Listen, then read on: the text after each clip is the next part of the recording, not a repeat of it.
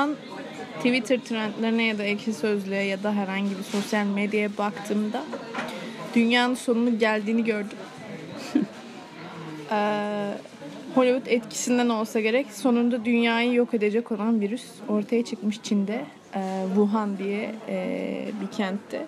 Balık pazarından balık pazarında yaşayan insanlar önce etkilenmiş bundan ve daha sonra işte herhalde 300-400 kişinin etkilendiği varsayılıyor. İnsanlarda bu kadar panik yaratmış olması çok garip geldi. Çünkü aslında grip çok daha tehlikeli baktığın zaman. Sen ne düşünüyorsun bu konuda? Sanırım biraz insanlık tarihi boyunca özellikle Avrupa'da bu şeylerin daha bu hastalıkların, bu tip salgınların e, gerçi şu an bu ismini ne denebilir? Pandemik. Pandemi. hı hı. Ne demek pandemi?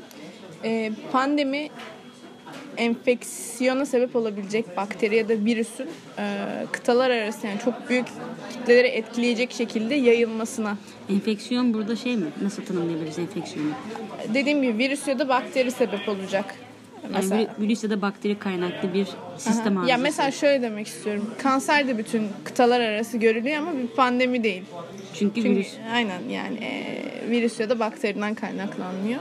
Ya, bulaşıcı olacak. İnsanlık tarihinde böyle pandemiler mesela veba olmuş. en büyüğü. Tifo olmuş.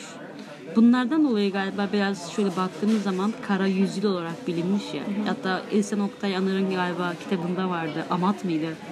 Ee, bir gemiyle bu hastalık Ha, evet. taşınıyor. Müthiş bir korku aslında düşündüğün zaman. Bir şey seni öldürüyor ama ne öldürdüğünü bilmiyorsun. Ama büyük bir salgın var. Ve o salgında 3-5 kişi değil, milyonlarca insan ölüyor. 75 milyon insan ölmüş. Ve bu yani. şimdi insanlarda herhalde az çok bir korku yaratıyor. Çünkü bütün nüfus yapısını değiştiriyor. Hayata bakış açısını değiştiriyor ya. Bir insanın e, tedavisini bulamayacağı bir hastalığı bulaşıcı olarak kaz- kazanması. Çünkü kanser nihayetinde bulaşıcı değil. Evet. Ama mesela sen şu an bu hastalığa sahip olduğunu varsayalım. Bunun korkusu insanlarda şey oluyor galiba. Bütün sosyal ilişkilerindeki bağları değiştiriyor. Şimdi mesela dün ben o haberi gördüm. Efa şey Çin'de biliyorsun yeni yıl olacak. Hı hı, Ee, ve 24'ünde miydi? evet yeni yıldan dolayı bir sürü milyonlarca bir nüfus hareketliliği olacak dünyada. Şimdi diyorum ki yarın bir gün bunlar Barcelona'ya gelseler, Çinli arkadaşlarım yanıma otursalar ya da bir arkadaş dese ki ben Çin'den yeni geldim. Kıllanır mıyız acaba öksürse? E, muhakkak. haliyle şey yaratıyor değil mi? İnsanlarda bir güven duygusu, bir korku, bir panik havası müthiş derecede. Biraz bundan kaynaklanıyor. Biraz insanların şey duygusunu beslemesi var. Amigdala mı diyelim? Evet amigdala korku. Yani en primitif şeylerden biri. Yani insan iki şey için yaşar derler ya. Biri hayatta kalmak, öbürü de üremek zaten. E, hayatın tehlikeye giriyor bir şekilde.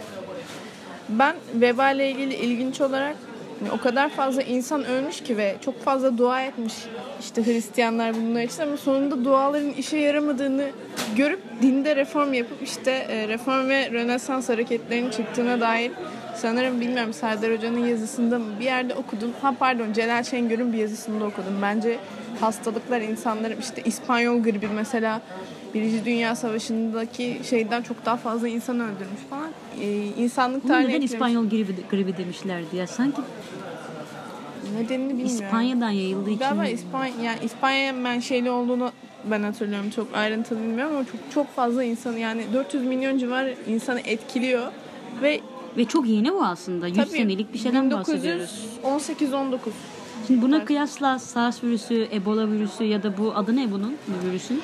Aa, şu anki bir adı yok koronavirüs. Ee, yeni koronavirüs diye geçiyor. Henüz bir sınıflandırılması yok. Sadece koronavirüs taçlı virüs demek. Aslında bir virüsleri biz çeşit çeşit ayırırız. RNA virüsü, işte DNA virüsü, tek iplikli bilmem ne. Bu da işte ek bilgi e, tek iplikli RNA virüsü kapsüllü. Koronavirüs ailesinden. Ee, başka ne koronavirüs dersen SARS var. Bir de MERS var. Middle East Respiratory Syndrome diye geçiyor. Ee, ikisi de aslında öldürücü hastalıklar ama çok kendilerini sınırladılar. Yani birkaç bin kişiyi enfekte edip yani birkaç bin kişiyi etkileyip sonradan kendi kendilerine yok oldular. Peki yani zamanında bu İspanyol virüsünün ya da bunun bu kadar yayılma ihtimali varken şu an günümüzde bu kadar da kalabalığız, iç içeyiz. Çok da temiz miyiz? Yoksa daha mı korunaklı haldeyiz? Neden biz bu kadar bu tip bulaşıcı virüsler diyelim e, yayılmıyor şu an? Ya da Yani yayılmadığını söyleyebilir miyiz bilmiyorum. Hayvandan geçiyor bunların birçoğu. Ee, yayılımı sanırım hijyenik olarak çok daha ileri seviyedeyiz şu anda. Sabun Altyapımız daha iyi. Evet sabun kullanıyoruz. biraz Kanalizasyon daha- muhabbeti evet, çok evet, fazla yani var. Burada şehirleşmenin önemi temiz suya erişim, e, sağlık hizmetine erişim, bağışıklığımızın göreceli olarak e, daha dayanıklı olması Beslenmemiz diyebilirim. arttı. Tabii tabii yani beslenmemiz arttı. Aslında ben e, ciddi bir yayılım bek- bekliyorum. Çünkü şu anda mesela insanın sen nasıl şeyin sınırlayamazsın. İnsanların seyahatini nasıl sınırlayacaksın? Bence büyük bir problem haline gelebilecekken yine çok şanslıyız. Modern tıp var elimizde bir şekilde. Mesela Ebola o kadar o kadar insan öldürdü ama sonunda aşısı var şu anda mesela. Yani mesela korkacak. buna aşı bulunma süreçleri hızlı mı İki, oluyor? yok, iki yıl ortalama bir iki sene sürüyor bir aşı bulunması Yani ama en şu azından- anda bildiğim kadarıyla pardon sözünü kestim Ee, işte 400 kişiden en son 17 kişi hayatını kaybetmişti. Ee, bu birçok virüsten yani daha kötü değil. Daha Grip- öldürücü grip- değil. Gripten ölen Ya evet mesela insan sayısı daha fazla olabilir belki. hafta hafta grip raporları yayınlanıyor bazı sitelerde özellikle Amerika'nın e, sağlık sitelerinde falan. Yani gripten daha çok tehlikeli olduğunu yani şimdilik daha tabii bilmiyoruz daha çok yeni. En son işte ilk bildirilmesi 31 Aralık galiba yani hemen hemen böyle 20-25 günlük bir geçmişi var ama yine de e, çok çok tehlikeli olacağını şimdilik Dünya Sağlık, Sağlık Örgütü diyor ki yani çok panik yapacak Bugün bir durum yok. toplantı vardı galiba. E, bugün acil toplandılar ama e, çok şimdilik seyahat kısıtlaması gibi bir şey getirmediler. Ha, Biraz yarın şeyden korkuyorlar. Çin'le e, Çin'in hem iç koşullarını çok bilmiyoruz. Biraz hijyenik açıdan çok Avrupa'dan Çok- farklı çok kalabalık, besleniyor. Çok, Çok, kalabalık farklı bir yaşıyor. toplum. Ve şey bunun da balıktan bulaştığı düşünülüyor bu arada. Daha öncekiler de yine hayvandan bulaşmıştı. Yani insanın sıkıntısı bu. Şimdi senin vücudun hayvandan gelen bir mikroba ya da herhangi bir şeye alışık değil. Hani Bir de oradaki koşullar özellikle Çin, Hindistan, Afrika gibi yerlerdeki pazarlardaki hayvanların koşulları Evet, çok evet. e, bu tip hastalıkların yayılmasına elverişli olsa gerek. Yani çok gerçekten çok iç açıcı değil. Uzak Doğu'da da öyle diye biliyorum. Tayland, Tayvan Ya gibi çok yerlerde. net bilmiyorum kafamda da canlandıramıyorum ama bu Koku diye bir film vardı. Orada bir balık pazarı var. Aklıma böyle o tarz bir yer geldi. Ee, daha çok. Büyük ihtimal ee, hijyenik koşullarla alakalı. Peki buna benzer yani aslında kafama iki soru geliyor. Bir buna bunların bir kademeleri var mı? Yani bütün şeyden bahsediyorduk biraz önce. Endemik, pandemik gibi muhabbetlerden. Bunların bir kademeleri var mı ve insanlık tarihi boyunca buna benzer büyük e, korkulan şeylerle ilgili birkaç öneri verebilir misin? Birkaç Öneri. örnek. Öneri dedim ya örnek. Ya ende, endemik hani endemik bitkilerden de şey olacağı gibi bölgesel olan. Mesela buna ne örnek verilebilir? Belki kızamık örnek verilebilir. Artık her yerde görülmüyor çünkü. Gerçi her an değişebilir bu ya da çocuk felci falan gibi. Artık görülmeyen hastalıkların ufak bir yerde görülmesi. Ee, sonra ne vardı? Ha. Epidemik vardı. Epidemik de ülke çapında görülen. Mesela tüberküloz yani verem kötü hastalık var ya bizim Türk filmlerinde böyle kana kanayarak öksüren. O da e, epidemik oluyor. Pandemikte artık kıtalar arası. Şu an mesela e, bu koronavirüse pandemik diyebiliriz. Çünkü Amerika'da da bir Washington'da bir tane görülmüş. Artı Tayland'da falan. Kore'de. Evet birkaç yerde daha bilinmiş. Ulaşım çok kolay artık. Yani, Evet, yani bunu nasıl bir de şöyle de bir sıkıntı var mesela virüs sana bulaştı ama sana belirti vermesi hemen olmuyor. Yani inkübasyon süresi diye böyle bir süre var. Belki biyoloji derslerinden falan hatırlarsın. Kuluçka süresi mi? Aynen. Heh, doğru. Tam doğru kelime. 10 gün civarında hiçbir belirti vermeyebilir. Şimdi sen bunu nasıl tespit edeceksin? Hani havalimanlarında haberlerde gördüm. Havalimanlarında falan böyle ateşe falan bakıyorlar ya da şeye bakıyorlar ama yani çok etkili gelmedi bana. O yüzden Peki yani bunun mesela çok böyle büyük insanların, çok büyük sayıda insanların ölmediği, çok sayıda insanların ölmediği ama dünya çapında bir kaos yaratılması olayı biraz böyle bunun medyanın etkisi var mı? Biraz panik havasından beslenen, e, tıklanma sayısını arttıran, bir korku yaratan bir enerji yaratıyor olabilir mi? Bence kesinlikle öyle. Çünkü ben Yani- okuyorum merak ediyorum bir şey olacak mı başına bir şey gelecek mi diye. Ya sonunda insanlığın sonu geldi cinsinden şeyler ben de çok okudum. İnsanlarda panik yaptırılmaya çalışılıyor gibi. Ben de öyle bir hava sezdim. Daha önce de bu tarz şeyler tamam oldu işte. Ebola'da oldu, işte SARS'ta oldu, Zika virüsünde yani bir sürü şey zaten çıkıyor çıkmaya devam edecek. İnsanlık tarihi boyunca yeni hastane bunu hatta şey de bağlıyorlar. İklim değişikliğinden dolayı yeni hastalıklar çıkıyor Ama gibi. geçen şeyde denk gelmişti. Antarktika'daki ya da işte buzullar eridikçe onların altında olan bilmediğimiz bakteri ve hayvan türleri bunlara bağışıklık kazanmadığımız birçok şey ortaya çıkacak. Evet mu- muhakkak öyle. Hani bu ondan yani. kaynaklanmış olmayabilir ama bizim gelecekte de çok da bağışıklık sistemimizi zorlayacak birçok doğa gelişimi var yani nihayetinde düşündüğümüz zaman. Evet. Ee, yani insanların bence biraz daha böyle hijyenik şeyleri ya falan dikkat etmesi açısından belki hatırlatma açısından bir ara Türkiye'de hatta böyle bu domuz gribi çıktığı zaman anti şey e, antiviral antiseptik böyle solüsyonlar deli gibi satılmıştı. Herkes Herkes, aynen e, ya o kadar da obsesif olmamak Ya lazım mesela tabii. bugün e, geçen gün herhalde televizyonda BBC'de mi ne geçiyordu? Nasıl peki korunabiliriz diye. Aslında bildiğin temel hijyen, hijyen kuralları. Sabunla elini yıka. işte alkol sür eline.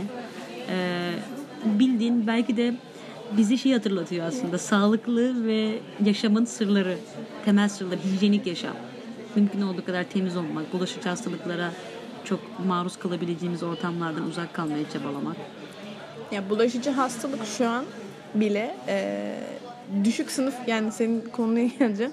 Düşük sınıfın yakalandığı hastalık olarak kabul edilin. Yani eğer bir bakteri ya da virüs enfeksiyonu varsa genel olarak birçoğu hijyenik şeyden kaynaklanıyor. Tabii hani cinsel yolla bulaşanları ayrı tutuyorum bir şekilde ama hatta onlar bile düşük sınıfta daha fazla görülüyor bildiğim kadarıyla. Hani bilmiyorum o konuda araştırma yaptım ama eğer bir şekilde o o bölgede mesela işte kolera, tifüs gibi şeyler çok fazlaysa ya da tüberküloz bizim ülkemizde olduğu gibi ya orada bir sıkıntı var Ya bir yerde. beslenme, ısınma, Bir- e, aynen. hijyen, bilinç hepsi birleştiği zaman aslında insanın e, ortalama yaşam yaşam ömrünü yaşam ömrü diyorum yine. Ömrünü arttıran şey bu oluyor bir şekilde. Peki bu e, bu tip bulaşıcı ya bu tip virüslerin, bu tip bakteriyel pandemiklerin diğer hastalıklardan farkı var mı yani mekanizma olarak yoksa neden bu kadar bulaşıcı hale geliyorlar? Diğerlerinden farklı olması. Havayla geçmesi mi? insandan insana bulaşması mı? Ee, insandan insana bulaşması en önemli faktör. Çünkü bir hayvanla temasın sınırlı olabilir. Ben hayvanla temas ederim. 3-5 kişi daha aynı hayvanla temas eder ama insanla sosyal bir canlı olduğumuz için insanla temasımız özellikle solunum yoluyla bulaşıyorsa mesela ee, çok daha sıkıntılı. Ve tabii ki insanın e, sosyoekonomik olarak kötü durumda ve bağışıklık sisteminin düşük düzeyde olması da çok büyük. Ya bana biraz etken. şeyi anlatsana. İnsanın insandan insana bulaşanla insandan insana bulaşmayan neden bulaşmıyor? Bazıları diğerleri bulaşıyor. Ne, ne değişikliği var ki mekanizmada? İnsanın e, yani çünkü mesela şeyi düşünüyorum. İnsandan insana bulaşmayan bölgesel kalan bazı e, bazı bu tip e, e, endemikler var mı? İnsandan insana bulaşmayan. Belli bir hayvanla olan. Sadece hayvanlar yani pandemi yapanların çoğu insandan insana bulaşıyor. Yani bir şekilde insanın metabolizmasıyla entegre olabiliyor. Evet evet. ve e, diğer insanlara yayılabiliyor ve bunlarla iletişim kurabiliyor muhabbeti. Ya insanla bulaşmanın çeşitli yolları var. En büyük şey solunum yoluyla yani hapşırma, tıksırma. Ee, diğer bir yol vücut sıvılarıyla. Bu tükürük olabilir, e, idrar olabilir ya da dışkı olabilir. Aklına gelebilecek her türlü vücut sıvısıyla. Ee, cinsel yolla ve kan yoluyla yani çeşitli çeşitli bir sürü hani ha, insandan insana bulaş bulaşma dediğimiz zaman da bir sürü yolu var aslında. Özellikle hava yolu bulaşması en herhalde tehlikeli o. O tehlikeli. yüzden de her sene grip olur insanlar yani çok basit. Hangi farkını anlatayım sana? Değil mi? 2020 senesinde olmamıza rağmen gribi çözemiyoruz. Çünkü Ee, çok kontrol etmesi zor. Çünkü her sene mutasyon geçiriyor. Ve sen grip aşısı olduğun zaman aslında bir önceki senenin e, şeyini grip e, virüsünü alıyorsun. Bu seneninki değil. Yani bu senenin virüsü tamamen farklı bir virüs olabilir. Sen bir öncekine göre şey yapıyorsun, bağışıklanıyorsun. Önümüzdeki yani her sene farklı grip duyuyorsun. Bir sene işte domuz gribi çıkıyor. Şu an ne gribi var bilmiyorum Türkiye'de. Ee, işte H1N1'ler çıkıyor. Onların da isimleri işte ne bileyim Kuş kapsülüne, miydi? ha, kuş gribi yani bir sürü. Onlar da mesela kapsülünün adı işte e, numaralandırması bir numara. O yüzden adı H1N1 olmuş. Öbürün yani tamamen biyolojik isimlendirmeye dayanıyor. Her sene mutasyon geçiriyor bunlar. İlginç konu. Var mı başka söyleyebileceğim bir şey? Benim buradan anladığım e, şu anki bu virüsün diğer virüslerden çok büyük bir farkı yok aslında. Ara ara çıkan, Evet. e, sadece şu an yaşadığımız çağdan dolayı ulaşımı kolay olduğu için o bölgede kalacağını bir anda Amerika'ya sıçramış. Ama müthiş bir yayılma hızını henüz tehlikeli. Yani çünkü bugün öbür türlü olsa Dünya Sağlık Örgütü bununla ilgili belki biraz daha ciddi kararlar alabilirdi. Ya Dünya Sağlık Örgütü bir tane e, yönetmelik mi diyeyim bir şey yayınlamış. Hani isteyen de bakabilir zaten ama şimdilik öyle seyahat kısıtlamasına gerek olabilecek kadar kötü durumda olmadığını söylüyor. Yarın çıkar bilmem kaç bin kişi birden e, etkilenmiş diyebilir. Belli olmaz ama ben yine böyle kendi kendini sınırlayacağını düşünüyorum. Çünkü Çin'den çıkması da hani çok sürpriz değil aslında. Çünkü çok fazla insan yaşıyor orada. Oradan çıkmayacak da nereden çıkacak? Peki kendi kendini sınırlandırması ne demek?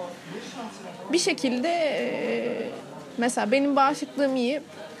Bana geldi virüs. Yani ben insan- onu yendim. İnsan ırkı bir şekilde yeniyor bunu. Öyle görünüyor şimdilik. güçlü Şeylerde, kalın. diğer hastalıklarda da öyle oldu.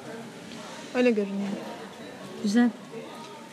Var mı başka toparlayabileceğimiz bir şey eklemek istediğin? senin sorun varsa cevaplarım. Yani Ya, çok, çok belirsiz olduğunu- bir konu şimdilik.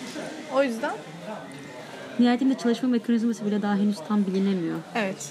O da çok ilginç değil mi? Yani virüsün çalışma mekanizmasını anlayamıyoruz. Ya aslında virüsün çalışma mekanizmasını az çok biliyoruz.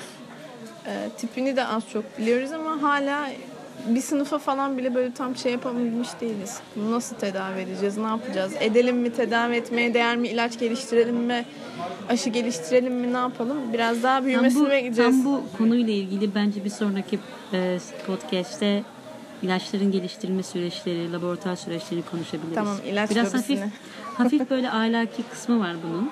Evet. Ee, bir ilacın işte tam burada dediğin gibi e, ilaca, ilacın geliştirilmesi, bir aşının geliştirilmesiyle için belli bir ölümün, belli bir fedakarlığın, belli bir pazar oranının çıkması gerekiyor.